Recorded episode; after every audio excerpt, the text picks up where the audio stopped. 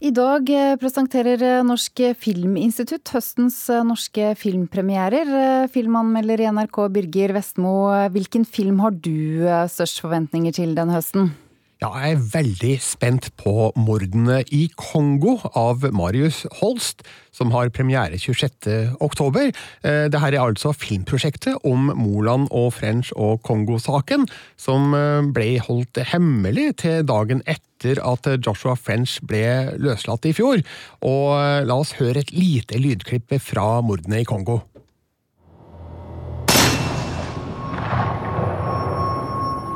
So why come here? We came for the adventure. Did you find it?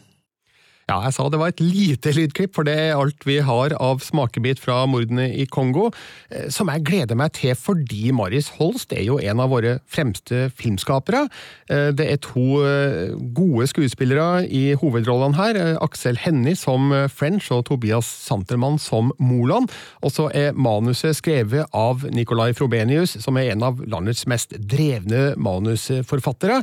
Og Det blir jo spennende da å se filmens versjon av disse hendelsene, eh, spesielt i lys av en kronikk Frobenius skrev for NRK Ytring i mai i fjor, der han indikerte at eh, kriminalsakens fakta kanskje er det minst interessante ved denne historien. Så får vi se hva det innebærer når mordene i Kongo da har premiere 26. oktober. Mm. Kan man si noe om hva slags eh, typer film som kommer på kino nå fremover? Ja, eh, det spenner over et vidt spekter. Det kommer to dokumentarer, For vi er gutta av Petter Sommer og Jo Vemund Svendsen, som handler om eh, Mannskoret i Oslo. Eh, og så kommer det en dokumentar som heter The Tower, av Mats Grorud, som er en animert dokumentar om elleve år gamle Vardas liv i en flyktningleir i Beirut. Barna har allerede fått den siste Karsten og Petra-filmen, og så kommer det tre animasjonsfilmer senere i høst. Månelyst i Flåklypa kommer i september. Kutoppen Kampen i oktober, Troll kongens hale, første juledag. Eh, ungdom og sjølsagt andre interesserte kan glede seg til dansedramaet Battle av Katarina Launing i september, Eirik Svenssons drama Harajuku i november og actioneventyret Benjamin Falk og dødsdolken av Martin, Martin Sofiedal, som forhåpentligvis da får premiere i løpet av høsten.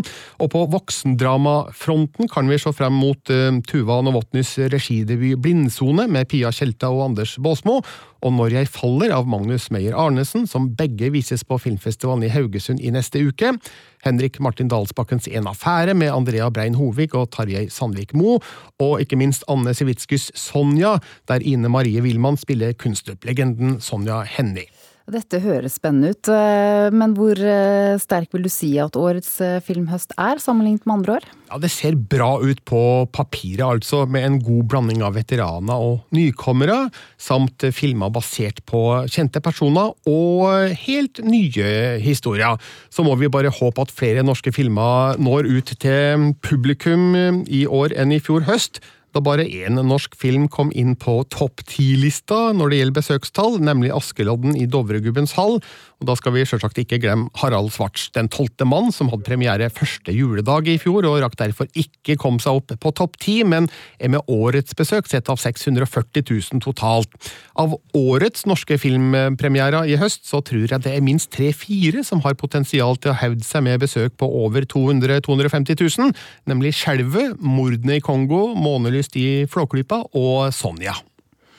Vi hører jo nå at eh, Oscar-akademiet har blitt mer opptatt av eh, hvor mange som ser eh, filmene, og de vil ha en egen pris for det. Så da må jeg spørre, da. Hvilken film kommer til å dra mest folk til kinoene her?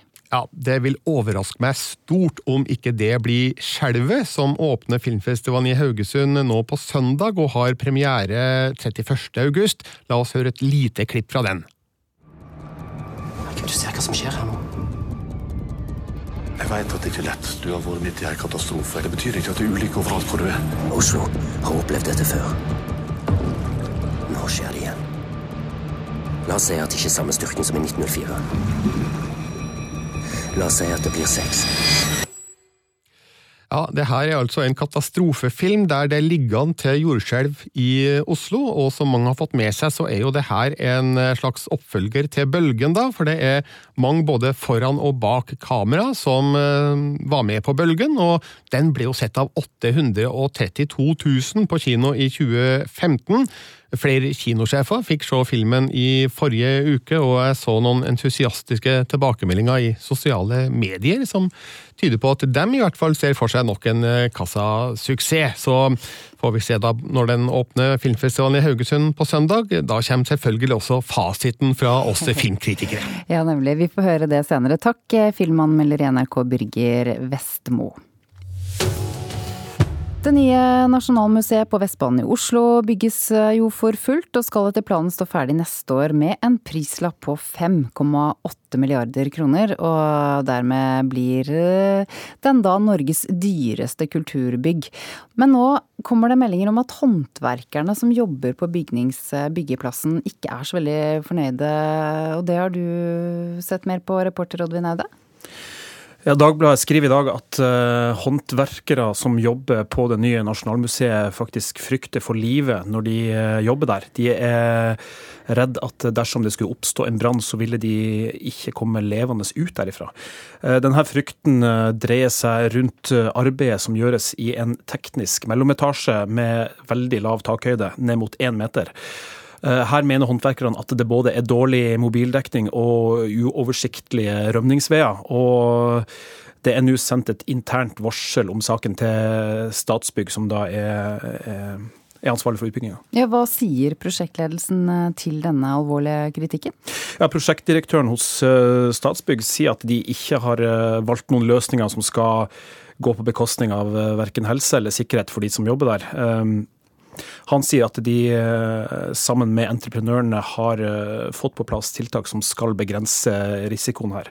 Eh, også entreprenøren mener at sikkerheten er god nok, og at både alarmsystemer og rømningsveier fungerer. Vi skal holde oss på Nasjonalmuseet, for utbyggeren har også enda flere utfordringer. Ja, Det er også en frykt for at de kan få et stort problem dersom den nye bygninga blir tilgrisa med graffiti. Det er nemlig lettere sagt enn gjort å få fjerna det fra, fasaden, fra, en fasade som består av kostbar oppdalsskifer. Og skrekkscenarioet er at de i så tilfelle må rett og slett bytte ut fasadesten. Og nå tester man ut et antigraffitimiddel som skal påføres fasaden, og dermed gjøre det enklere å fjerne eventuell tagging. Veldig kort til Skal man da påføre dette på hele fasaden? Nei, bare snakk om de tre nederste um, meterne som er mest utsatte.